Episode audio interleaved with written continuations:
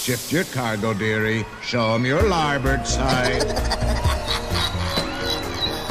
Ik heb persoonlijk kunnen vaststellen dat het paleis werkelijk een lust is.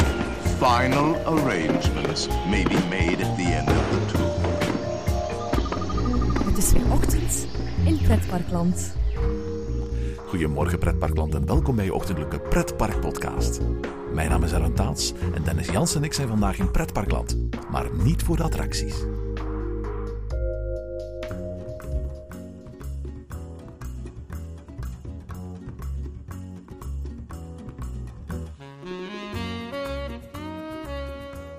Goedemorgen Dennis. Goedemorgen, Erwin. Luisteraars die naar deze podcast luisteren, eh, die komen wel eens vaker in pretparken. En als je vaker in een pretpark komt, en met name in een pretpark waar je een abonnement voor hebt, dan ga je merken dat na een tijdje niet meer zo belangrijk is om voortdurend attracties te gaan doen. En daar gaan we het vandaag over hebben. Hè? Ja, absoluut. Want eh, er zijn eh, een heel aantal parken waar ik zelf ook persoonlijk in, in rondloop. En merk dat ik eigenlijk niet meer zoveel moeite doe om zoveel mogelijk uit mijn dag te halen qua attracties. En komt dat omdat het attractieaanbod in die parken gewoon niet aansluit bij jouw eh, wensen? Of is, dat, is daar een andere reden voor? Ja, daar zijn best wel wat verschillende redenen voor. Eén noemde je bijvoorbeeld al. Je kunt een abonnement hebben op een pretpark. En als jij om de hoek woont bij een pretpark, dan is het ook niet zo heel erg verrassend dat je daar niet iedere keer komt. Ik kan zelf spreken dat ik regelmatig in Walibi Belgium rondloop voor misschien twee uurtjes. En dat ik twee attracties doe en voor de rest een beetje rondkijk. Maar er zijn ook een heel aantal andere factoren die daar in kunnen meespelen, die wel interessant zijn om te bekijken. En in deze aflevering gaan we gewoon eens op zoek gaan naar wat zijn die factoren die daarin meespelen. Is mijn indruk correct op het eerste gezicht ehm, dat dwell time, hè, zoals Pieter Cornelis het ooit noemde, uh, de tijd die je gebruikt om rond te dwalen in een park zonder dat je daarom de behoefte hebt om iets concreets te doen, voor een groot stuk bepaald wordt door het feit dat er heel veel vrije ruimte in een park is. Of vergis ik me daarin? Goh, dat moet niet per se, denk ik. Er zijn heel wat parken die dat inderdaad wel hebben. Kijk, als je in de Efteling zegt na je rondje Python, ik wil nu in Vogelrok, ja, dan zul je heel veel dweltime hebben. Dat is redelijk noodzakelijk. En daar geven ze ook uitgebreide ruimte voor, want dat pad is bijvoorbeeld heel erg mooi. Je hebt een mooi uitzicht, er is veel natuur om te zien.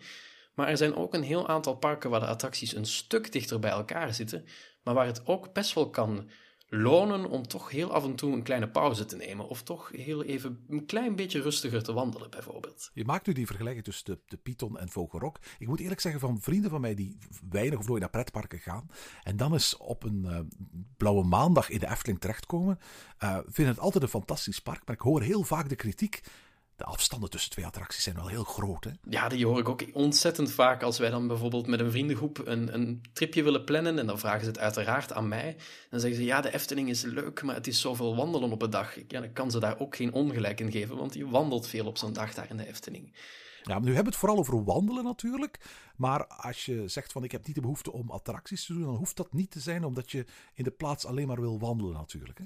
Nee, zeker niet. Um, nu, er zijn wel een heel aantal parken die dat ook goed doen buiten de Efteling. Ik denk dan bijvoorbeeld aan Bellewaarde, waar ik bij mijn eerste bezoek een paar jaar geleden al meteen binnenkwam en denk van, goh, dit vind ik toch wel leuk om hier rond te wandelen. Het heeft een heel aangename sfeer.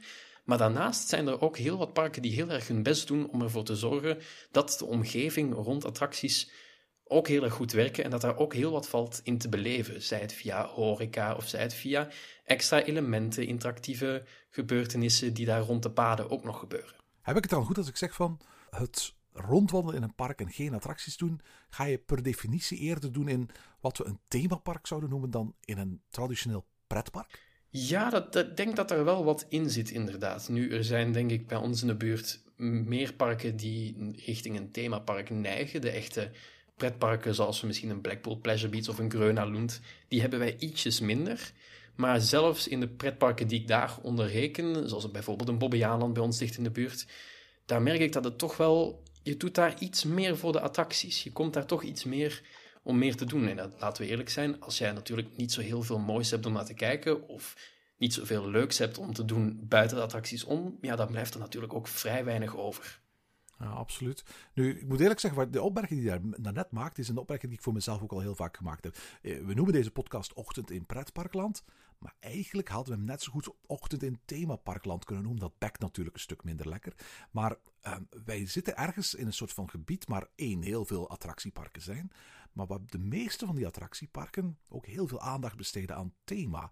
Als ik kijk naar de parken waar ik het vaakst naartoe ga, en dan, dan heb ik het uiteraard over de Efteling, Bellewaarde, Toverland, uh, Fantasieland, Europa Park, zoals een Movie Park Germany in Frankrijk, Disneyland. Uh, wij hebben een geschiedenis van verhalen vertellen op de een of andere manier. En zelfs parken die traditioneel de echte pretparken waren, de Bobbejaanlands van deze wereld, die hebben ook de afgelopen jaren een stap gezet, nog meer in de richting van thema en beleving en weg van het traditionele pretpark. Ja, absoluut. En ik merk ook de laatste jaren dat ik steeds vaker het onderscheid zelf ook maak. En dat ik niet meer zo snel zal zeggen dat ik een pretpark liever ben, maar een attractiepark liefhebber. Omdat attractiepark in mijn optiek iets meer zowel themaparken als pretparken kan ja, behelzen, eigenlijk die term.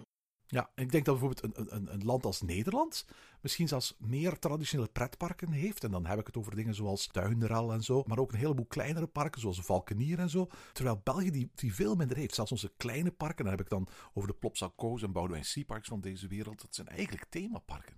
Ja, zeker. En je noemt nu de Valkenier inderdaad. Daar heb ik nog persoonlijk wel goede herinneringen aan, omdat ik een paar jaar geleden daar zelf achter de knoppen van attracties staan. Dat is natuurlijk wel een klein kinderpretpark, maar dat is echt, dat, dat kan zo van de kermis afgehaald worden. Daar staan nog serieuze attracties, waarbij dat als je op de knop strobo klikt, dat er ook effectief een stroboscoop aangaat. Dus wat dat betreft kennen wij dat in België iets minder. De parken die er zijn, dat zijn inderdaad grotere parken, themaparken. Kleinere parken die hebben het om de een of andere reden moeilijk. We hebben dat ook gezien met Comic Station de laatste tijd. Maar um, ja, om de een of andere reden werkt dat niet zo heel erg goed hier in de omgeving. Maar zijn er ook gewoon veel meer parken die aandacht besteden aan de natuur hier in de omgeving? Ja, absoluut. En dan uh, moeten we ook alleen maar naar onze dierenparken kijken. Hè. Dat, ik denk dat het, de gemiddelde kwaliteit van onze dierenparken in België, die, die, ligt, die is heel erg hoog. En dan kijk ik niet alleen naar, naar een Paradise, maar zelfs naar een Zoo Antwerpen, zelfs naar een Plankendaal en zo. Wij wonen in een land dat echt hele mooie parken heeft. Niet altijd de grootste en helaas niet altijd met de, de meest spectaculaire attracties, maar wel een parken die stuk voor stuk vaak voor eye candy zorgen. Of dat nu in de, in de vorm van thema of in de vorm van mooi aangelegde paden en lanen. En misschien zorgt er wel voor dat de gemiddelde Bourgondische pretparkliefhebber, die wij ongetwijfeld alle twee zijn, ook heel graag zijn ogen de kost geeft. En niet alleen van attractie naar attractie wil rennen. Ja, en als ik uit persoonlijke ervaring spreek, nu doe ik wel af en toe iets met Instagram. En het is heerlijk om in een pretpark rond te lopen waar dat je prachtig mooie foto's kunt nemen tegenwoordig met je telefoon of met je camera. En dan ook een prachtige natuur daaromheen hebt. Ik kijk ook zelf liever naar zulke foto's. En ik weet ook zeker dat de mensen die mijn Instagram volgen dat ook veel leuker vinden. Ja, Dennis Achtbaan is dat zeker. Met de 8 als het cijfer 8 geschreven. Ja, klopt. Ja. Ik herken dat. Ik maak geen stories op Instagram. Maar het is wel zo dat ik vaak gewoon foto's maak in een pretpark. En uh, dat, die zet ik dan op fotogalerij.be. En dat, dat is op zich wel heel fijn om, om op die manier voortdurend op zoek te gaan naar de mooie en aantrekkelijke plekken in pretparken. Uh, en dat is sowieso met een camera of met een, met een, met een smartphone waar je foto's of beelden mee maakt naar een pretpark gaan. Zorgt er eigenlijk ook voor dat je in één keer minder een noodzak voelt om al die attracties te gaan doen natuurlijk. Ja, zeker. En ik denk eigenlijk ook wel dat heel veel parken waarin we graag rondlopen zonder heel veel attracties te doen, vaak ook parken zijn die heel organisch gegroeid zijn, die daardoor ook een beetje hun charme hebben. Als ik kijk bijvoorbeeld naar de Efteling, dat is een ontzettend organisch gegroeid park. Maar dat heb ik ook bijvoorbeeld in parken die minder met natuur bezig zijn, zoals bijvoorbeeld Fantasialand. Dat is ook ontzettend organisch gegroeid en er zijn themagebieden verdwenen, themagebieden bijgekomen. Je ziet daar heel vaak restanten van de geschiedenis. Maar daardoor wordt het ook heel erg mooi om vanuit iedere hoek eigenlijk eens 360 graden rond te kijken en daar eens een hele dag aan te besteden. Want je ziet vanaf iedere plek een totaal ander zicht en vaak zijn het nog best wel mooie gezichten ook. Ik ga nooit in mijn eentje naar een pretpark. Ik ben altijd in gezelschap. En ik vraag me af, is genieten van een pretpark zonder attracties te doen ook iets wat je snel doet als je niet in je eentje naar een park gaat? Bij mij persoonlijk wel. Ik ga wel wat vaker alleen naar een pretpark. Maar ik denk wel dat er, als je alleen naar een pretpark gaat, is dat wel iets makkelijker natuurlijk. Je bepaalt zelf je eigen ritme van je dag. En je kunt eigenlijk ook gewoon zeggen: ik ga nu eens hier een half uurtje op dit bankje zitten en kijken wat er te zien valt, hoe mensen reageren en zo. Nu, als je dat met grotere groepen doet en zo, met families, lijkt me dat inderdaad wel een stuk moeilijker omdat heel veel mensen hebben natuurlijk heel veel verschillende voorkeuren en willen andere dingen gaan doen of juist wel heel veel attracties gaan doen. Ja, er is altijd, een, een schuldgevoel natuurlijk. Hè. Als ik met een andere abonnementhouder naar een pretpark kan gaan, dan is dat eigenlijk niet zo erg als we niet veel attracties doen. Maar als je met iemand naar een pretpark gaat die, die één keer in de Efteling komt, of die één keer in, in Fantasieland komt, en die hebben net 40 of 50 euro betaald voor een kaartje, ja, dan voel ik me bijna schuldig als ik ga zeggen van kom laten we eens eventjes gewoon wat rondwandelen en genieten of zoiets. Want die persoon heeft wel net een gigantisch bedrag betaald voor die dag. Hè? Ja, en meestal vervul ik dan ook de functie van eigen tourguide te zijn. Dus dan ben ik ook meestal de persoon die ervoor zorgt dat die mensen het minst lang moeten wachten en de beste tips krijgen in dat juiste park. Dus dan ben je inderdaad niet zoveel bezig met de omgeving of laten we eens een keer even op een bankje zitten of even een uurtje gaan eten, heel uitgebreid met drie gangen. Laten we eens uh, um, misschien wat parken overlopen. Hè? Wat vind je bijvoorbeeld een heel tof park om gewoon is door, door te wandelen zonder dat je de per se de behoefte hebt om attracties te doen? Ja, ik heb er automatisch natuurlijk de neiging bij om naar de Efteling toe te gaan. Maar heel veel mensen zullen dat denk ik hebben. En bij de meeste pretparkfans weten wij ook wel waarom we naar die Efteling toe gaan. Dus misschien is het wel leuk om juist naar een ander park toe te gaan, naar een park waar jij wel wat vaker komt, naar Bellewaarde. Dat park ligt heel erg gek in de natuur. Als je daar aankomt, merk je dat het echt eh, midden in die wiegende Vlaamse velden ligt. En dan is daar ineens zo'n bos waar dan een grote shot-and-drop-toren uit, uitkomt, ineens van boven. Maar voor de rest is dat een heel bosrijke omgeving. Zeker eenmaal dat je Bellewaarde binnen bent, word je dankzij die natuur in dat park gevangen gehouden eigenlijk. Ja, absoluut. Hè? Want vanin het park is er bijna geen uitkijk naar buiten mogelijk. En mocht dat zo zijn, dan zou je letterlijk bij wijze van spreken de boerenvelden van de Westhoek uh, zien. Dat is iets helemaal anders dan dat oerwoud dat je in en rond de Jungle Mission meemaakt. Of de sfeer die bijvoorbeeld op het Mexicaanse plein hangt. Nu, je hebt absoluut gelijk hoor. Het is een, het is een park, Bellewaarde, waar ik heel graag naartoe ga. Dat, dat heel fotogeniek is. Dat qua natuur ontzettend mooi is. Maar dat een attractieaanbod heeft waar wij misschien niet 100% de doelgroep meer voor zijn. Het is een park dat zich denk ik steeds nadrukkelijker op dezelfde doelgroep is gaan richten als Plopsland. Misschien niet onlogisch omwille van de afstand uh, dat het er vandaan ligt. Maar dat betekent ook natuurlijk dat er volgens mij in, in, in, uh, in Bellewaarde behoorlijk wat attracties zijn waar ik op het eerste gezicht niet, niet de doelgroep voor ben en die ik dan ook ga overslaan. Aan de andere kant is het natuurlijk zo dat, dat, dat Bellewaarde nog een ander aspect heeft. En dat is, het is ook een dierenpark. Met andere woorden, tussen de attracties in bevinden zich her en der dierenverblijven. Uh, van, van tijgers en leeuwen tot, tot olifanten, tot wasberen, tot, tot uh, buffels. Alles wat je maar kunt bedenken. En ook die zorgen er eigenlijk natuurlijk van nature uit dat je gaat vertragen, dat je de tred wat langzamer gaat maken en dat je bij wijze van spreken niet zomaar van attractie naar attractie gaat, gaat, gaat hollen, want daar, daar heb je die dierenverblijven tussen natuurlijk en daar wil je altijd eventjes blijven naar kijken. Eh, in dat opzicht is Bellewaarde wel een hele unieke, vreemde eend de bijt eigenlijk. Hè? Ja, absoluut. En de eerste keren dat ik daar kwam, merkte ik ook wel heel erg snel dat inderdaad die dierenverblijven mij, mij tegenhielden. Kijk, ik ben niet iemand die van nature zou zeggen op een vrije zaterdag laten we even naar de zoo toe gaan. Dat is over het algemeen iets minder mijn ding. Maar als ik dan daar in Bellewaarde rondloop, ja, dan kan ik daar wel echt een half uur staan bij de olifanten of op het apeneilandje waar je vroeger nog naartoe kon. Maar ik denk niet dat het nog zal zijn nu Wakala eroverheen is gebouwd. Maar dan kan je wel echt een, een heel lange tijd spenderen door gewoon naar dat dieren gefascineerd te kijken. Ja, en dat maakt natuurlijk uiteraard dat Bellewaarde die, die dwell-time vanzelf gaat optrekken natuurlijk. Uh, je, je, het is een park dat in zijn mission statement letterlijk bij wijze van spreken heeft van slow down en geniet van de natuur, geniet van de dieren tussen de verschillende attracties in. Het is wel zo dat, dat, dat, ik vind dat een aantal belangrijke attracties Bellewaarde de afgelopen jaren uh, verlaten hebben. En met de afgelopen jaren bedoelen echt al de laatste 10, 15 jaar. Ik vind het doodzonde bijvoorbeeld dat de, de monorail verdwenen is. Ik vind het doodzonde dat ze ooit Los Piratas gesloopt hebben en, en vervangen hebben door een achtbaan. Op zich is Huracan een prima achtbaan hoor. Niks, uh, niks kwaads over, over uh, Huracan, maar het is gewoon jammer dat, dat Los Piratas ervoor is moeten verdwijnen. En telkens er zo'n attracties verdwijnen, zorgt dat er ook wel een beetje voor dat, dat Bellewaarde een heel klein beetje reden verliest voor mij om daar als attractieparkliefhebber naartoe te gaan. Ja, dat is zeker waar. En dat is ook wel een van de redenen waarom ik lichtjes teleurgesteld was dat Wakala opnieuw een familieachtbaan ging worden. Van dezelfde strekking eigenlijk als Huracan. Wij weten wat het verschil is tussen Wakala en Huracan, tussen Zirier en tussen Gerslauer. Maar de gemiddelde bezoeker gaat dat ook niet zien en gaat daar ook weer opnieuw een familieachtbaan in zien. En dat is ja een beetje jammer ook wel voor, voor dat park.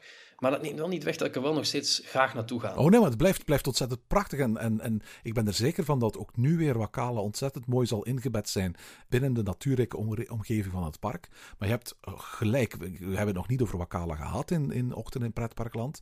Uh, maar wat je nu beschrijft is ook exact mijn indruk van weer een gelijkaardige baan voor een gelijkaardig doelpubliek. Opnieuw, je hoort mij niet zeggen dat, dat, dat ik verwacht van Bellewaarde dat ze daar een Taron gaan bouwen, of een Black Mamba of zoiets, of een Blue Fire. Maar je moet als park durven die doelgroep een klein beetje op te rekken. En dat zie je wat uh, in de plannen die bijvoorbeeld Plopsaland heeft uh, met zijn nieuwe achtbaan voor volgend jaar. Ik kan mij eigenlijk goed voorstellen dat op een bepaald moment Bellewaarde toch eens moet gaan nadenken van hoe groot is eigenlijk die doelgroep dat we met al die attracties jaar in jaar uit steeds weer blijven trekken? En kunnen we die doelgroep niet eens wat groter maken? Ja, en het is ook niet zo dat die twee doelgroepen helemaal uitsluitbare wegen zijn. Je hebt daar een perfecte middenweg tussen. En ik denk dat Plopsaland die inderdaad zeer goed aan het, aan het vinden is momenteel. Sterker nog, een, een achtbaan als Heidi de Ride, ja, die staat veel te dichtbij Bellewaarde, maar die had van mijn part letterlijk gecopy-paste kunnen worden naar dat meer waar Wakala nu staat. Absoluut, dat is de perfecte Bellewaarde-attractie. Absoluut. Die Heidi de Ride. En die hadden ze eigenlijk in Plopsland wat mij betreft niet moeten bouwen. Goed dat hij er staat hoor.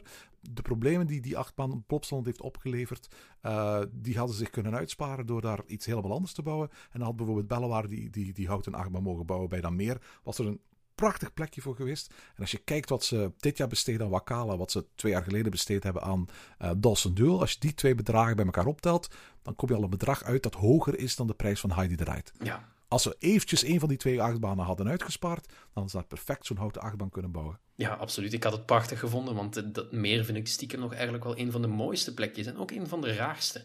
Want als we het dan toch hebben over plaatsen waar dat we kunnen uithangen en tijd kunnen nemen om even stil te zitten in een park, dan heb je daar dat hele rare meer ineens in Bellewaarde aan het einde van het park, waar je tot een aantal jaar geleden ook echt maar één deel van kon zien. En sinds een paar jaren is daar ineens zo'n brug overheen gebouwd dat echt alleen leidt tot een klein dierenhok, waar dan een paar keer per dag zo'n roofvogelshow wordt gehouden.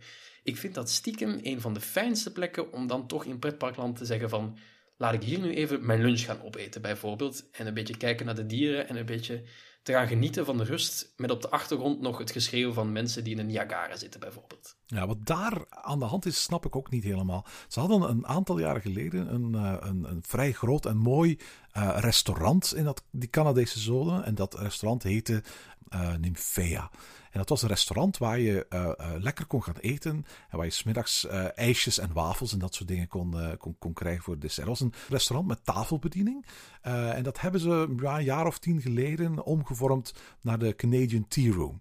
Dat is toen een soort uitgifteplek geworden voor burgers en ijsjes. En het gevolg daarvan is dat achter dat uitgiftepunt dat volledige restaurant zo goed als leeg staat. Ik geloof dat je het alleen nog kunt huren voor privéfeesten. Maar ook, ook dat het buitenterras dat er nog eens achter ligt, ontdaan is van alle mogelijke tafeltjes. Vroeger waren het allemaal tafeltjes dat stonden met parasols, met uitzicht op het water. Dat is volledig verdwenen. En als je daar naartoe gaat, dan kom je echt in een totaal verlaten plek met uitzicht op het meer. Een van de rustigste plekken in, in heel Bellewaarde. Het is ook heel raar dat dat plekje waar jij over, over spreekt, die, die plek met die vogelkooien aan de andere kant van de brug, dat dat eigenlijk een gelijkaardige, rustige plek is die nergens echt naartoe leidt, die op zich wel heel tof is om eventjes te ontsnappen aan de drukte in de rest van het park, maar dat die twee rare verlaten plekken zich zo dicht op elkaar bevinden. Ik hoop in elk geval dat Bellewaarde eventjes gaat nadenken van wat daar qua horeca mogelijkheden zijn. En dat ze daar opnieuw een terras openen waar je uh, eventueel met tafelbediening gewoon ijsjes en wafels of pannenkoeken kunt krijgen. Want dat missen ze daar echt. Ja, en ook om ons centrale onderwerp opnieuw even aan te halen. Een park kan ook heel erg veel doen met water. De kracht van water in zo'n petpark is enorm. En je ziet de laatste jaren dat Walibi Belgium en Bobby Haaland dat tegelijkertijd opnieuw beginnen te ontdekken en meer beginnen te doen met de centrale meren die zij hebben in dat park. Dus dat is nog een reden waarom ik het heel raar vind hoe dat, dat daar is ingedeeld in Bellewaarde. Daar ligt zo'n prachtig groot mooi meer, maar daar wordt dan heel weinig mee gedaan. Je kunt er niet eens helemaal langs lopen. Je kunt die brug wel op, maar dat is het dan ook wel. Ja, ik denk dat dat niet mag omwille van natuurbeschermingsredenen. Ik dacht dat het een eh, deels beschermd gebied was en dat dat ook de reden is waarom ze er tot nu toe niets overheen uh, konden bouwen. Nu goed, uh, Wakale laat zien dat in elk geval die grenzen wat oprekbaar zijn. Dus wat dat betreft is het misschien ooit mogelijk om er een, een pad aan te leggen waarmee je echt het volledige rondje zou kunnen maken. Weet je trouwens dat het vroeger ook mogelijk was om achter de Niagara te, te wandelen? Nee, dat heb ik nooit geweten eigenlijk. Nee, dat was, was, een, was een pad en dat cirkelde zich echt gewoon om de vijver van de Niagara heen. En dan kwam je op het einde uit, eigenlijk vlak aan de trappetjes die naar die brug leiden, die dan weer uh, naar de splashzone uh, zone brengen. Wat was het probleem? Niemand wandelde daar ooit. Uh, en op plekken waar niemand wandelt, komen dan heel vaak jongeren met uh, onfrisse bedoelingen, laat ik het eventjes zo uitleggen.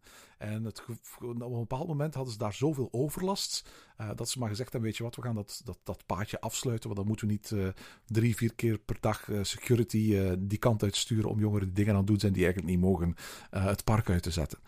Het gevolg daarvan is dat het paadje afgesloten werd. En volgens mij is dat ook de reden waarom er tot op vandaag geen pad rond, rond de vijver gekomen is. Omdat het wellicht een heel lang pad zou worden en er op de meeste plekken geen attracties zouden staan, zou het Bellewaardes goede naam ten spijt wellicht de ideale plek worden voor baldadigheid. Volgens mij wordt dat pad nu trouwens wel ingezet als Halloween-spookhuis. En dat... Juist, ja. Ja, klopt. Dat is dat inderdaad. Ja, dat wordt nu wel ingezet dan tijdens Halloween, wat natuurlijk ideaal is, want als je de ruimte hebt, waarom zet je er dan geen spookhuis neer?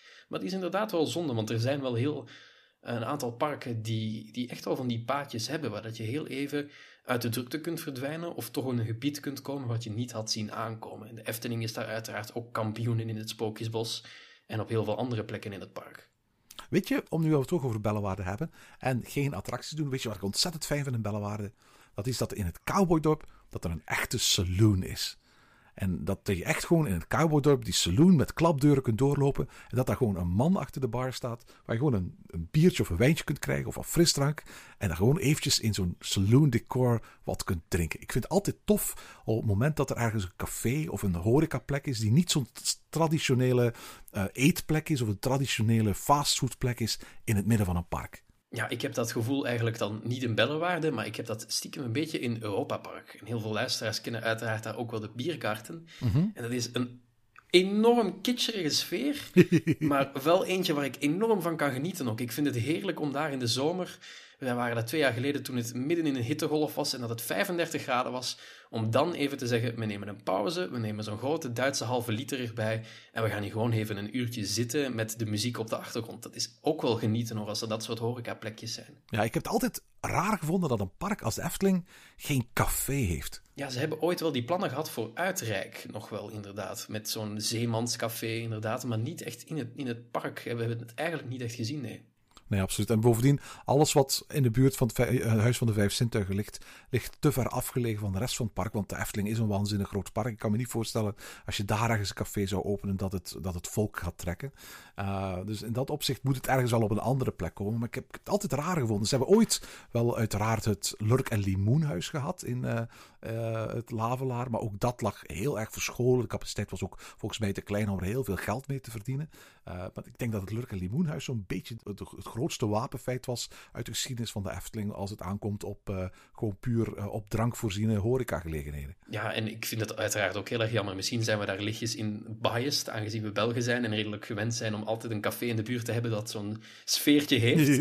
maar uiteraard, dat werkt ontzettend goed. En zeker, al is je doelpubliek van mensen die die pauze daarvoor willen nemen misschien wat kleiner dan je doelpubliek van je park zelf, voor die mensen die daar zitten, heeft dat wel een enorm effect. En het is iets typisch Belgisch, hè, voor alle duidelijkheid. Als je naar Paradise gaat, die hebben daar uh, een, een, een, heel, heel café bij de brouwerij bij. Als je naar Plopsaland gaat, dan hebben ze daar het FC de Kampioenencafé. Als je naar Bobbejaanland gaat, hebben ze daar ook de saloon in het Cowboydorp. In, uh, overal waar je gaat in Belgische parken, heb je cafés, heb je drankgelegenheden. Behalve in een park als, als Europa Park, zie je dat te weinig in, in parken in de landen om ons heen. Ja, zeker. En dat is eigenlijk iets waar je wel heel erg het verschil mee kunt maken. Zelfs als je bijvoorbeeld ook uh, de moeder bent van een gezin die niet zo van achtbanen houdt. Ja, kijk, als grote broer en papa in de achtbaan zitten, is het ook leuk om te zeggen: we gaan hier even iets drinken en gewoon rustig zitten en genieten. En misschien bouw je er een kleine kinderspeeltuin bij die nog een beetje een mooi thema zit. En dan krijg je daar echt wel het publiek warm voor als het op een juiste locatie ligt. Het hoge woord is eruit. We hebben het daarnet gehad over Europa Park heb ik het juist dat misschien van alle parken in Europa Europa Park misschien wel het park is dat het meeste aanzet tot juist geen attracties doen en juist heel veel dwalen, heel veel dwalen, heel veel slenteren, heel veel genieten van de sfeer? Absoluut. Ik ben niet zo ontzettend vaak in Europa Park geweest, maar iedere keer dat ik er kom, dan is dat voor meerdere dagen. Dat speelt natuurlijk ook ontzettend mee. Absoluut, ja, ja, ja inderdaad. En dat, dat heb ik inderdaad ook als ik bijvoorbeeld naar Walt Disney World ga. Uh, zodra je daar ergens twee, twee weken zit, je gaat letterlijk niet elke dag van s ochtends vroeg tot s avonds laat in een wachtrij gaan staan of attracties gaan doen. Dan, dan voel je op vakantie en dat betekent ook dingen doen als uitslapen, slenteren, wandelen, bankje doen, zitten, een cocktailtje drinken, wat lekker gaan eten en, en dus je tijd nemen voor de dingen. Ja, absoluut. En als je veel dagen pretparken achter elkaar doet, dan word je denk ik ook echt gewoon helemaal gek. Ik kijk af en toe wel eens naar uh, Britse vlogger uh, Sean Sambrook van Team Park Worldwide. Nou, hij heeft vorig jaar een tripje gedaan naar de Verenigde Staten, waarbij hij, ik denk een goede maand lang, iedere dag een park deed en daarna nog eens een autotrip van zes of zeven uur met drie uur slaap, dan nog een nieuwe dagpark ik zou dat niet kunnen volhouden. Ik heb ooit zeven dagen achter elkaar pretparken gehad en ik heb meteen een extra week vakantie moeten nemen, want ik was helemaal doodop. Ja, het is ontzettend vermoeiend. Je staat vroeg op, je wandelt heel erg veel. Maar bovendien, eh, pretparken zijn vaak, en misschien komen we daar ook bij een volgend puntje, zijn echt zintuigelijke bommen. Uh, je wordt voortdurend via uh, constante achtergrondmuziek, felle kleuren, grote druktes, voortdurend verplicht om al je zintuigen te gebruiken. En, en dat op een manier die, als, als dat te lang duurt, misschien wel voor een soort van overstimulatie zou kunnen gaan zorgen. Ja, zeker. Dat zit wel in de identiteit van pretparken. Als we al kijken naar Walt Disney, die er vanuit wilde gaan dat in ieder van zijn parken overal altijd wel iets beweegde. Dat, dat zie je nog in steeds meer parken. En dan ook inderdaad qua muziek als ik bijvoorbeeld kijk naar een park als Toverland, maar andere parken hebben dat zeker ook, dan merk je dat heel erg goed dat vanaf het moment dat je je auto uitstapt, totdat je hem s'avonds een paar uurtjes later weer opnieuw instapt, heb je continu muziek rond je. En dat is heel goede kwaliteitsmuziek, maar dat je zult wel merken na een tijdje dat je zoiets hebt van, misschien toch een klein momentje rust zou ook wel welkom kunnen zijn. Ja, absoluut. En vandaar dat ik ontzettend apprecieer dat bijvoorbeeld Efteling nog altijd plekken heeft waar geen parkmuziek uh, te horen is. Bijvoorbeeld de, uh, de laan die loopt van Fata Morgana naar Joris en de Draak. Dat is een oase van rust. Ja, en ik kan eigenlijk het meeste op, op prijs stellen als parken zo'n plekje hebben die eigenlijk niet zo heel erg ver af liggen van waar alles gebeurt, zeg maar, in de parken, waar je misschien in de verte nog wel een beetje heel zachtjes de muziek hoort, of mensen hoort kwetteren, maar waar je toch een beetje je rust kunt nemen. En om nog maar eens over Europa Park te spreken, een van de plekken in het park waar ik dat heel erg goed vind werken, is bijvoorbeeld het, het wat een restaurantje is aan het Grote Meer, waar bijvoorbeeld die Afrikaanse dark ride ook overheen gaat. Vlak in de buurt van het Sprookjesbos. Ja, daar kun je heerlijk op het terras gaan zitten en daar kun je heel even tot rust komen. Ja, absoluut. En vlak daarbij trouwens heb je de, de krokodillenbar. Ken je die? Ja, ja, zeker. Dat is ook wel zo eentje, inderdaad. Ja. Zo, helemaal opgetrokken in, in, in bamboe. Uh, misschien plaats voor een, voor een man of veertig of zoiets, maximum.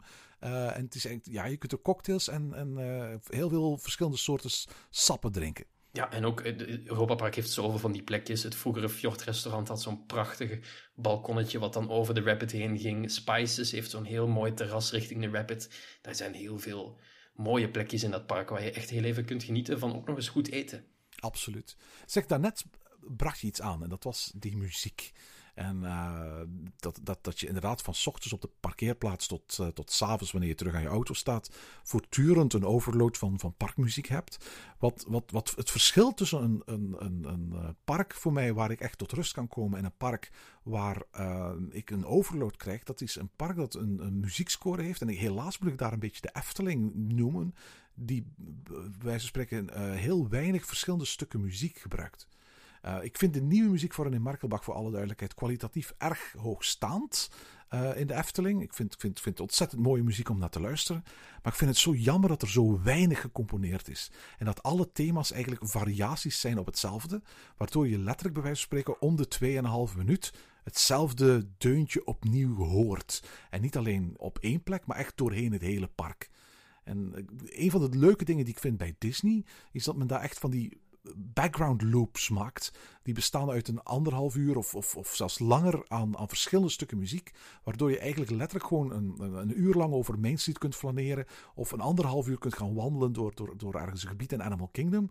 En voortdurend andere muziek kunt horen. En dat is, vind ik altijd een beetje jammer aan, aan de muziek van de Efteling, dat er zo weinig verschillende muziek is. En dat, dat, dat draagt de laatste jaren steeds meer bij tot het gevoel van, van sensory overload. Ja, en de Efteling heeft ook gewoon een enorm risico genomen met die nieuwe parkenmuziek die er sinds een paar jaar is. Als je niet zo heel veel weet over hoe muziek gemaakt wordt of hoe dat de muziek klinkt, je moet eigenlijk maar de bladmuziek erbij pakken of gewoon even luisteren naar de verschillende soorten parkmuziek en de muziek van de parkeerpromenade. Dan hoor je dat dat gewoon letterlijk dezelfde melodie is in een andere variatie. Ja, absoluut. Het is één melodietje in het hele park. En dat is op, op zich is een, is een heel fraai muziekje. Maar, maar als je er als abonnementhouder vaak komt, je raakt het zo snel beu. Ja, ik moet ook wel zeggen, ik, ik vind het nog mooie muziek en ik kan er wel van genieten. En als ik dan een tijdje niet meer geweest ben, dan zet ik het nog wel eens op. Maar het is een enorm risico om iemand van kwart voor tien ochtends tot kwart na zes avonds vast te houden in één en dezelfde melodie. Ja, absoluut. Dat doet geen afbreuk aan de kwaliteit van de muziek aan zich. Maar ik wou dat er wat meer variatie in zat. En in dat opzicht moet ik zeggen dat ik heel af en toe eens luister terug naar de muziek die ervoor in het park speelde. De muziek die Maarten Hartweld gecomponeerd heeft. Dat ik dan altijd met een soort van weemoed zitten luisteren naar die muziek. Die was minder krachtig, minder sterk, meer op de achtergrond. En in mijn ogen ook een stuk gevarieerder. Ja, daar kan ik zeker wel over meespreken. Dat is echt wel een, een heel andere muziek per parkdeel ook, inderdaad. Je merkt dat ook bij andere parken die bijvoorbeeld gaan aankloppen bij IMAScore. Daar, als je daar muziek maakt voor een bepaald parkdeel of voor een omgeving of voor een themagebied, dan zie je dat ze daar heel wat verschillende muziekstukken en heel wat verschillende soorten variaties aanbrengen voor misschien één pad, omdat het ook gewoon heel erg gevaarlijk is om mensen lang vast te houden in dezelfde melodie en dat je wel voor die variatie zult moeten zorgen om mensen niet helemaal gek te maken. Ja, het is, het, is, het, is, een deel van de identiteit van de Efteling. Hè? Want voor alle duidelijkheid, uh, de geschiedenis van de Efteling is altijd: we gaan geen grote stukken muziek componeren. We gaan hele kleine muziekstukjes componeren van twee, drie minuten en die een dag lang op repeat zetten. Want als je luistert naar de muziek die Ruud Bos voor Fata Morgana heeft gecomponeerd, de wachtrij, dat is één stukje muziek van twee minuten dat voortdurend herhaald wordt. De muziek van Carnaval Festival, de muziek van Joris en de Draak, de muziek van Baron 1898, dat zijn allemaal hele kleine, korte stukjes muziek. Vooral de wachtrijmuziek, die letterlijk bij spreken om de twee of drie minuten herhaald worden. En dat is eigenlijk een typisch iets voor de Efteling. En waar de Efteling heel erg in verschilt van heel veel parken, inclusief Disney. Waar men vaak juist voor wachtrijen, waar mensen langere tijd doorbrengen, uh, zonder dat ze attracties kunnen doen heel veel verschillende muziek, of in elk geval heel veel, verschillende variaties kunnen horen.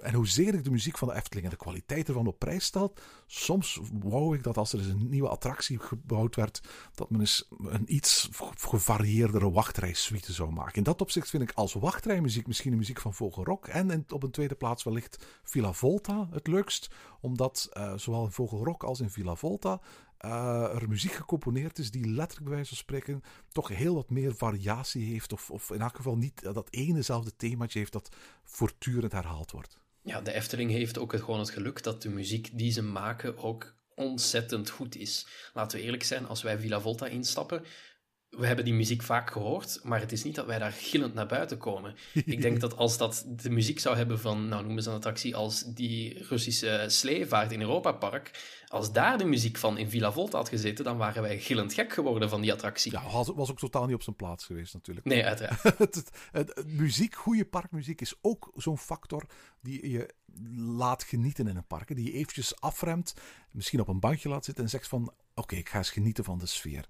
We hebben het al heel kort vermeld, maar misschien moet er toch nog iets langer over hebben. Ook natuur kan heel veel doen, hè? Ja, absoluut. En je ziet in onze omgeving ook, we hebben het begin gehad over themaparken en pretparken. De meeste parken bij ons in de omgeving werken ook heel erg veel met natuur en laten natuur ook heel erg veel terugkomen in hun themagebieden. Ja, heeft voor een groot stuk te maken met het feit dat wij bijna allemaal oude parken hebben. Uh, kijk maar naar bijvoorbeeld een, een Meliepark, waarvan de eerste wortels geplant zijn in 1935. Kijk maar naar een Bellewaarde, dat ondertussen ook al 60 jaar oud is. Kijk maar naar een Walibi Belgium, dat dit jaar 45 jaar oud is. Uh, Bobbejaanland, Efteling en dat soort toestanden meer. Het zijn parken die een behoorlijke leeftijd hebben en daardoor kunnen buigen op een, een, een behoorlijk uh, mooie natuurlijke omgeving. Uh, terwijl een park uiteraard als, als, als uh, Toverland, ja, de eerste tien jaar waren dat hallen. En pas de afgelopen tien jaar is men dan uh, beginnen buiten pla plaatsen ontwikkelen. Maar goed, dat is allemaal nog een hele prille natuur natuurlijk. Ja, absoluut. En maar je ziet daar ook wel dat ze wel bewust de keuze maken voor de natuur. Als ze bijvoorbeeld hebben over de keuze om een van de muren van het stationsgebouw van Phoenix, om daar geen rotsen aan te plakken. Nu, die keuze is redelijk discutabel en ik weet ook niet altijd of ik het daarmee eens ben. Maar je ziet daar wel dat daar heel bewust de keuze wordt gemaakt om daar natuur aan te plakken. En dat een paar jaar de tijd te gunnen om het daarna zijn volledige schoonheid te geven. Ik weet trouwens niet of dat een, een, een keuze is om de natuur de kans te geven. Of een keuze om in het jaar van opening ehm, eh, minder geld uit te moeten geven. Of de attractie snel te openen. Ik, ik, weet dat men in elk geval wat betreft Phoenix tijdens het openingsjaar echt bijna tijd tekort heeft gehad om het ding tegen opening klaar te hebben. En ook al waren er plannen, geloof ik, om, om tegen de, die kant rotsen aan te zetten, was het zo dat al, op het moment dat ze dat uh, zouden gedaan hebben, dan eh, was het wellicht zo dat ze de attractie nooit op tijd uh, zouden opengekregen hebben. Dus dat dat eigenlijk geen bewuste beslissing was in de zin van we gaan de natuur zijn werk laten doen, maar vooral van we moeten die attractie gewoon open krijgen tegen 7 juli. Nee, dat is inderdaad wel waar ook. Maar er zit misschien ook nog een beter voorbeeldje in dat park. Als we bijvoorbeeld kijken naar de Magische Vallei en een attractie als Django River. Daar zijn een aantal tunneltjes gebouwd, waar nu ook nog steeds een aantal planten groeien. Met het doel om, wanneer die planten groot genoeg zijn, om die te buigen, zodat daar een soort natuurlijke tunnel vormt. Dat was toch origineel in ieder geval in 2013 wel het plan daar. Dus je ziet wel misschien die muur van Phoenix was niet het beste voorbeeld in dat park, maar ze zijn daar wel heel bewust bezig met de natuur. Ja, ze zijn sowieso ook heel bewust bezig om mensen niet zomaar bij wijze van spreken van A naar B te brengen. Uh, je moet vaak, om van de ene attractie naar de andere te wandelen, eventjes een bochtje om, eventjes wat verder wandelen. En dat vind ik altijd wel fijn. Dat parken bij wijze van spreken niet de, de, de, de ingang van een nieuwe attractie bij de uitgang van de vorige attractie plaatsen. Ik snap bij een park als Fantasyland kun je moeilijk anders, want er is zo weinig plaats. Maar als je de, de rijkdom van, van, van oppervlakte hebt, dan is het fijn als een park zijn attracties wat kan uitspreiden. En dus daardoor ook plaats maakt voor, voor wandelpaden en natuur. Ja, en Toverland laat het ook eigenlijk heel erg lijken op een zeer organische look eigenlijk. Als je dat park vanaf Google Maps bekijkt, dan kun je daar letterlijk een lineaal tegenhouden bij welke themagebieden in welk jaar geopend zijn. Dat is heel duidelijk af te bakenen. Alleen als je in dat park zelf rondloopt, dan merk je heel vaak dat toch wel een pad een richting neemt die misschien niet helemaal logisch is of toch een gekke kronkel maakt of dat er misschien een attractie staat op een plek die niet helemaal handig is. Maar daardoor geeft dat wel een beetje meer opnieuw die organische look, waardoor het ook niet zo heel erg gemaakt lijkt als je in dat park rondloopt. Ja, ik sprak ook met, ooit met iemand van Jora Vision. Die waren een uh, park aan ontwerpen voor Polen. Een park dat echt van, van, vanuit het niks zou worden opgebouwd. En die vertelde toen dat ze voor het ontwerp van de parkplattegrond eigenlijk begonnen waren met uh, hoe zou een park eruit kunnen zien op het moment dat het park opent. En daarna gewoon gedaan hadden van, kijk, stel dat we na vijf jaar een uitbreiding moeten bouwen. Wat zouden we dan moeten schrappen en aanpassen op dat eerste ontwerp om dat mogelijk te maken? En als we dan nog eens vijf jaar later een uitbreiding bouwen, hoe zou dat eerste ontwerp en dat tweede ontwerp weer moeten aanpassen? Welke weggetjes zouden moeten verplaatsen? Welke bruggetjes zouden moeten afbreken om dat weer mogelijk te maken? En op die manier konden ze een definitief plan voor een attractiepark afleveren, alsof het een organisch gegroeid park was. En geen park, bij wijze van spreken, dat helemaal perfect uh, van nul was neergetekend. Ik vond dat een heel mooi concept. Ja, je ziet ook dat bij de Disneyparken, dat zijn uiteraard allemaal parken die in één keer uit de grond gestampt zijn je ziet dat daar ook Disney heel erg hun best doet om daar toch een organisch geheel aan te geven. Kijk, tuurlijk, die Main Street is natuurlijk heel duidelijk iets wat je de juiste richting in wil duwen. Maar als je daarna in andere parkgedeeltes komt, dan zie je natuurlijk ook wel vaker gewoon kronkelpaadjes. Of plekken die misschien niet helemaal het allerlogische lijken, maar daardoor wel een meer organische look en feel hebben. Weet je wat in dat opzicht het, het, het, het meest geweldige park is van Disney? Nee. Dat is Disney's Animal Kingdom. Elk park van Disney heeft een, een, een, een ingang. En als je vervolgens uit die ingang komt, dan heb je een straat die leidt naar de eerste grote attractie of naar de weenie van het park. Dat kan dan bijvoorbeeld een kasteel zijn, dat kan bijvoorbeeld de Chinese Theater zijn, dat kan ergens een, een Tower of Terror zijn, de Walt Disney Studios of zo. Weet je wat er achter de ingang ligt nadat je uh, het park bent binnengewandeld in uh, Disney's Animal Kingdom? Uh, ik ben er nog nooit geweest, dus nee, niet meteen. Nee. Wel, er ligt een oerwoud achter. Dus meteen zodra je dus uh, door de, de, de entreepoortjes bent, kom je in een oerwoud. Dat neemt het uitzicht uit de rest van het park weg. En nu zou je zeggen van, oké, hoe kom je dan aan de andere kant van het oerwoud?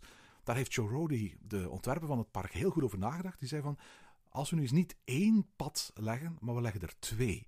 Met andere woorden, het, wat je eigenlijk hebt, is niet één straat die leidt naar het midden van het park. Maar we gaan door dat oerwoud twee paden trekken. En het eerste wat je als bezoeker moet doen is dus kiezen: kies ik het linkerpad of kies ik het rechterpad? En helemaal op het einde, als je het oerwoud doorwandelt, dan komen die twee paden weer samen. En op dat moment verschijnt als het ware die, die, die Tree of Life. Maar het begin van je parkbezoek begint eigenlijk met een keuze. Ga ik naar links of ga ik naar rechts? En in die keuze zit tegelijkertijd een soort wat hij noemt sense of adventure. Want het feit dat je één pad kiest, betekent ook automatisch dat je één pad niet kiest. En dat is uiteraard wat avontuur is. Avontuur is niet alleen ergens naartoe gaan, maar een avontuur is ook een keuze maken. We gaan die kant uit en niet die kant uit. En in het geval van, van die keuze betekent ook dat je een stukje van dat oerwoud niet gaat zien. Je maakt de keuze om een bepaald pad te nemen, maar ook om een, een bepaald pad links of rechts te laten liggen. Dat, dat heb ik altijd als, als pretparkfilosofie werkelijk fantastisch gevonden. In Disney's Animal Kingdom ga je op avontuur naar verre werelden. Maar je avontuur start niet met een rechte laan of zelfs met een kronkelend pad, maar met twee kronkelende paden waarvan je er één moet kiezen en één moet overslaan. Ja, en je merkt ook heel erg dat daarna, ik ben er nog nooit geweest, maar ik beeld me wel in dat inderdaad als je die Tree of Life dan ziet staan, dat het een heel indrukwekkend beeld moet zijn die eerste keer dat je daar bent. Maar heel veel parken die dat organisch gegroeid zijn, hebben ook wel vaak een soort beeld wat ineens naar boven kan komen. Als je bijvoorbeeld, ik noem een, een parkje in, in Noorwegen, Tuzefried, daar zijn niet zo heel veel mensen geweest, maar dat park is gebouwd op een berg. En als je daar binnenkomt en je hebt je tickets laten scannen en je bent eenmaal binnen, dan moet je eerst met z'n allen een roltrap op die je een stuk omhoog neemt. Een best nog wel stevig stuk omhoog. Ik weet niet hoeveel meter het precies zijn. Maar als je dan daar eenmaal een beetje bovenaan komt, dan ga je ook door een achtbaan heen. En dan doemt dat park ineens voor je op. En zelfs als daar geen centrale weenie is in dat park, heeft dat een heel mooi effect om ineens dat hele filmscenario zeg maar open te zien gaan. Absoluut. Dat is, om, even terug te gaan naar de Efteling, ook een van de, van de bijzondere dingen van, van de Efteling. Ook de Efteling heeft uh, de afgelopen jaren geprobeerd om letterlijk een soort van ja, Main Street te creëren. Eerst het begin van, de, van, de, van, de, van deze eeuw met de aanleg van de Pardoespromenade, die uiteindelijk min of meer zijn bekroning heeft gekregen met de opening van Symbolica als grote weenie. Maar het bijzondere van de Efteling is natuurlijk dat, dat als jij uit het Huis van de Vijf Zintuigen komt, het Dwarrelplein afwandelt en daarna op de Pardoespromenade komt, dat je dat eindpunt van die Pardoespromenade eigenlijk helemaal niet ziet liggen. Uh, je wordt alleen maar omringd door, bomen met water, wat, wat bloemen, etc. En je moet letterlijk bij spreken die Pardoespromenade verder afwandelen voor je voor het eerst dat kasteel van Symbolica kunt zien liggen. En dat heb ik altijd een hele mooie, typisch Eftelingse bekroning gevonden van, van die start van die dag. Ja, en zo zie je ook maar weer dat natuur best wel een behoorlijk functionele rol kan hebben binnen een pretpark. We hebben dat eerder ook al een klein beetje aangehaald, hoe dat in Bellewaarde de natuur je eigenlijk gevangen houdt in dat park. Een beetje vasthoudt in die sfeer. Dus waar je bomen zet, daar, daar wordt in sommige parken heel bewust over nagedacht vanwege die, die enorme rol die dat kan hebben, hoe je alles ziet, zoals dat bijvoorbeeld ook bij Symbolica dus het geval is. Ja, absoluut. Het is letterlijk zo. Als je het hele park kunt zien van zodra je binnenkomt, en dan heb ik het eventjes bijvoorbeeld over de Walt Disney Studios, dan, dan overvalt je eigenlijk een soort van teleurstelling van, oh, is dat het maar? Als een park zich stap voor stap gaat ontvouwen, waarbij je hier en daar eens een attractie gaat zien, maar nooit het gevoel krijgt van hier zie ik het volledige park, dan, dan creëer je in mijn opzicht een veel beter opgebouwde ervaring. Het neemt natuurlijk ook wel een enorm risico met zich mee uiteindelijk, want als jij een boek hebt wat je iedere keer zelf moet openslaan, kan het ook nog wel eens zijn dat je per ongeluk een pagina overslaat.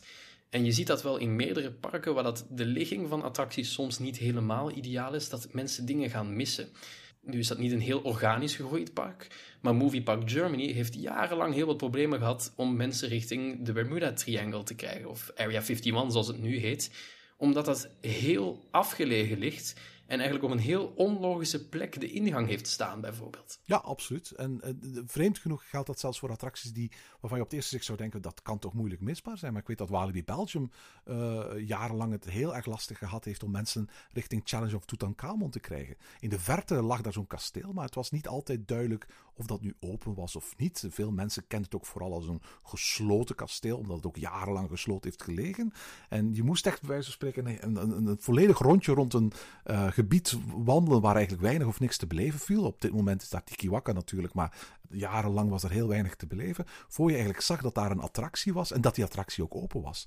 Volgens mij was dat bijvoorbeeld ook de reden waarom, waarom Bellewaarde Los Piratas op een bepaald moment gesloten heeft.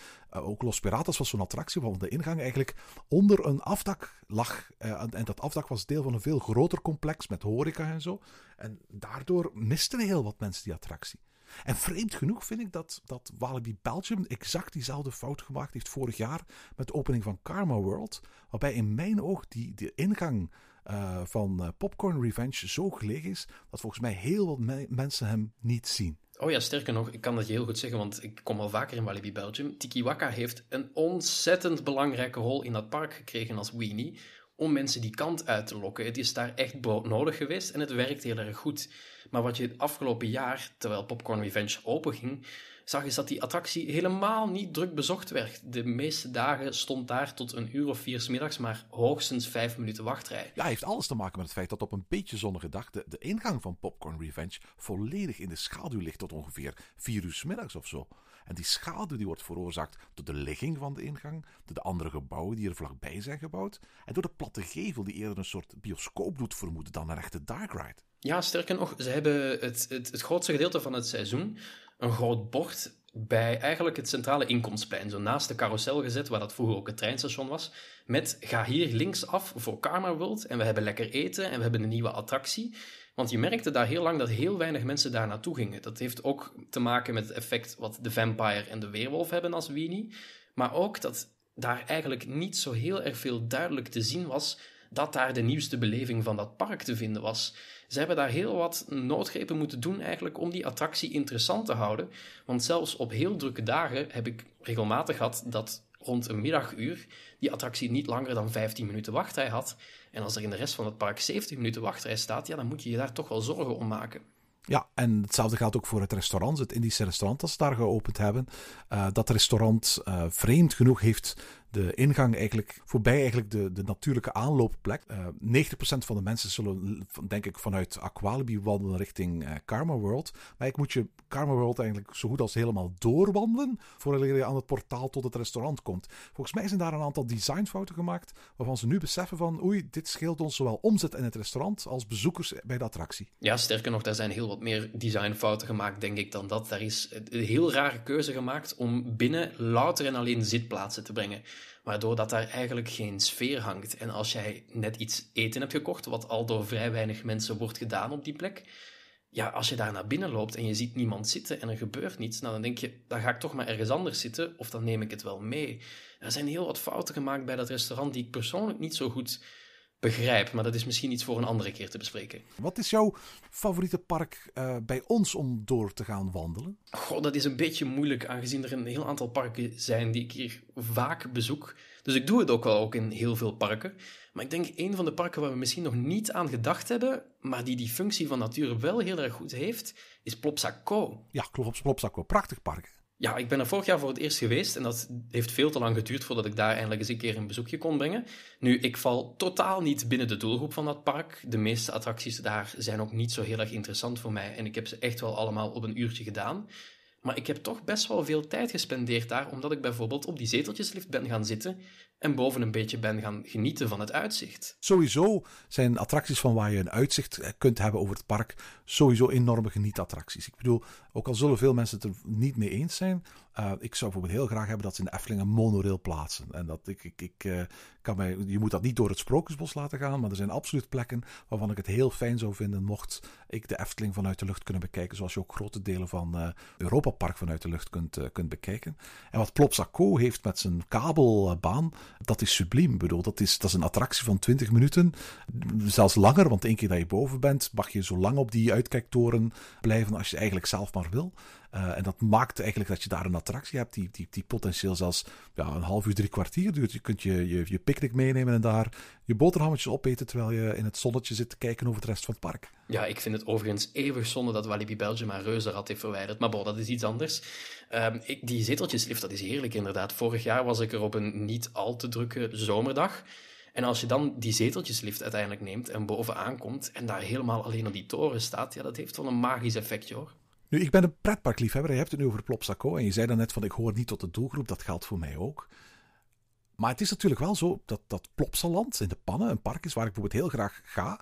Ook al is het zo dat de meeste attracties die er staan molentjes zijn die, die echt niet voor mij bedoeld zijn. Afgelopen jaren zijn er gelukkig wel een aantal dingen bijgekomen die, die voor mij als een, als een volwassen pretparkliefhebber echt, echt tof zijn. En ik kijk al enorm uit naar wat daar volgend jaar gaat uh, gebouwd worden.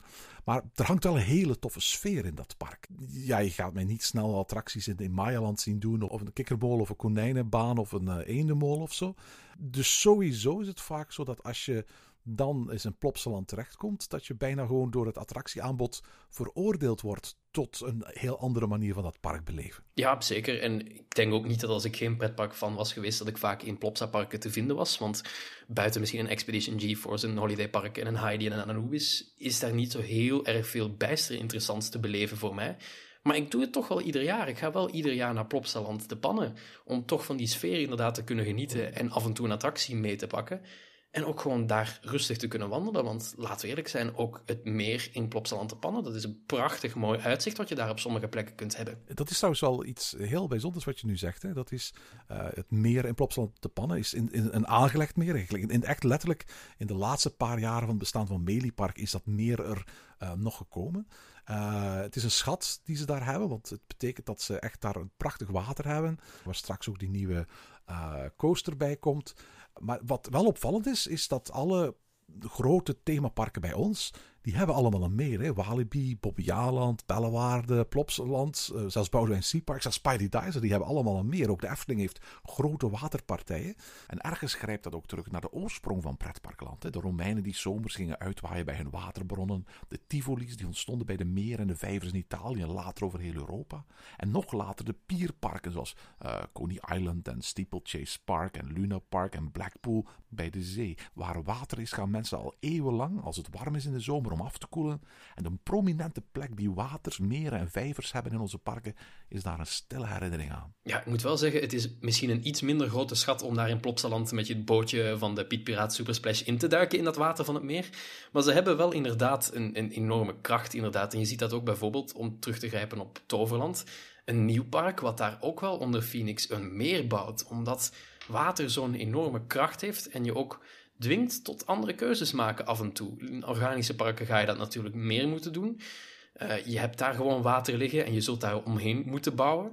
Maar ook daarnaast heeft het gewoon veel meer sfeer als daar water kabbelt en dat er een paar vogeltjes in een boompje fluiten.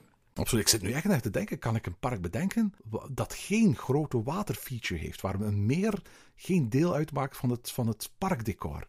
Ik dacht eerst Movie Park Germany, maar die hebben dan zo'n meertje liggen bij de Paradise Pier ook achteraf uh, gegraven. Uh, maar voor de rest hebben alle grote parken bij ons echt een meer. Zelfs, zelfs Fantasieland heeft dat meer waar Wakobatu op, uh, ligt. Waar vroeger die uh, Junglevaart attractie lag. Nee, het is, het is, een, een meer is letterlijk zo'n beetje het, het, een constante in bijna alle pretparken. En als er luisteraars zijn die dit horen en denken van ik ken een park zonder, zonder meer erin, laat het eens weten, ben wel benieuwd. Er zijn wel een aantal kleinere parken natuurlijk. Als we bijvoorbeeld naar een Drievliet toe gaan, wat misschien ook meer een parkeerplaats met attracties op is, dan vind je dat ook natuurlijk wel sneller. Maar heel veel grote parken die echt aan de beleving investeren, daar zie je dat inderdaad heel vaak in terugkomen. Heeft, heeft, heeft een park als Slagharen eigenlijk een meer? Slagharen heeft wel wat water. Daar loopt een, een beekje ook door. Als je bijvoorbeeld over die Main Street heen bent gelopen richting Gold Rush, waar vroeger de Looping Star ook stond, daar loopt wel een beekje inderdaad. Juist, inderdaad, ja. ja, ja. Um, maar er is geen groot centraal meer, volgens mij. Nee. Zeg Dennis, ik ben eigenlijk helemaal tot rust gekomen door dit gesprek. Ja, we hebben ook wel heel wat voer voor, voor denken nog wel erbij gekregen, denk ik. Heel wat potentiële nieuwe onderwerpen zitten, denk ik, misschien wel in deze aflevering ook nog verbonden. Ik stel voor dat we daar binnenkort werk van maken, want er is nog heel veel te vertellen. Hè? Zeker, daar gaan we binnenkort dan denk ik eens uh, zeker werk van maken om daar ook nog eens alles in uit te spitten. En tot zover deze aflevering van Ochtend in Pretparkland. Heb je vragen of opmerkingen? Mail ons dan via ochtend.pretparkland.be. Meer informatie over onze podcast vind je terug op www.pretparkland.be en nieuwe afleveringen download je via onze website of via iTunes. Ochtend in Pretparkland is de pretparkpodcast voor vroege vogels. Bedankt voor het luisteren en maak er een fijne dag van.